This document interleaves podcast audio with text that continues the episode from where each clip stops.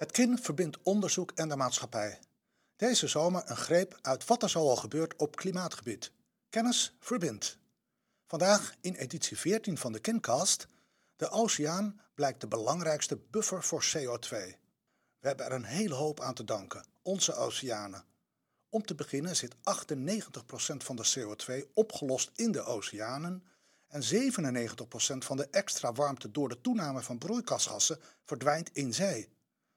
Er is altijd veel aandacht voor de opwarming van de atmosfeer, maar eigenlijk is de oceaan belangrijker, vindt hoogleraar Caroline Katsman van de TU Delft.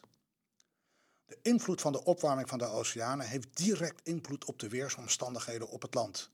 Om die invloed zo goed mogelijk te kunnen onderzoeken, zijn meer en betere thermometers nodig in de Atlantische Oceaan. Ook willen wetenschappers graag weten of er extra warmte via de oceaan naar het noorden gaat. De nieuwe glider van het Koninklijk Nederlands Instituut voor Onderzoek der Zee, het NIOS op Texel, kan daar wellicht bij helpen.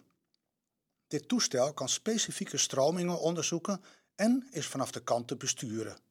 In juni zijn deze gliders voor het eerst ingezet op de Noordzee.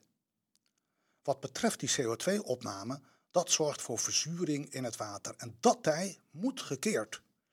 Professor Gertjan Reichardt, hoogleraar marine geologie aan de Universiteit Utrecht, gelooft niet dat maximaal inzetten op duurzame energie en op andere terreinen die CO2-uitstoot beperken zal volstaan.